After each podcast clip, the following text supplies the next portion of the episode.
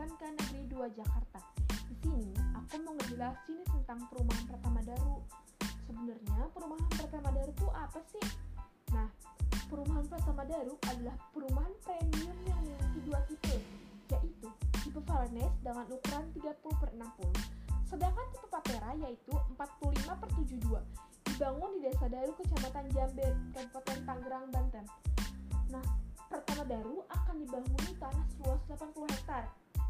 Pembangunan pertamanya seluas 8 hektar atau sebanyak 604 unit rumah. Banyak fasilitasnya loh, salah satunya ada Yogo Indonesia, Waterbook, dan Marketplace area. Keunggulannya apa sih di pertama Daru? Nah, keunggulannya itu sudah memakai semen mortar, terus juga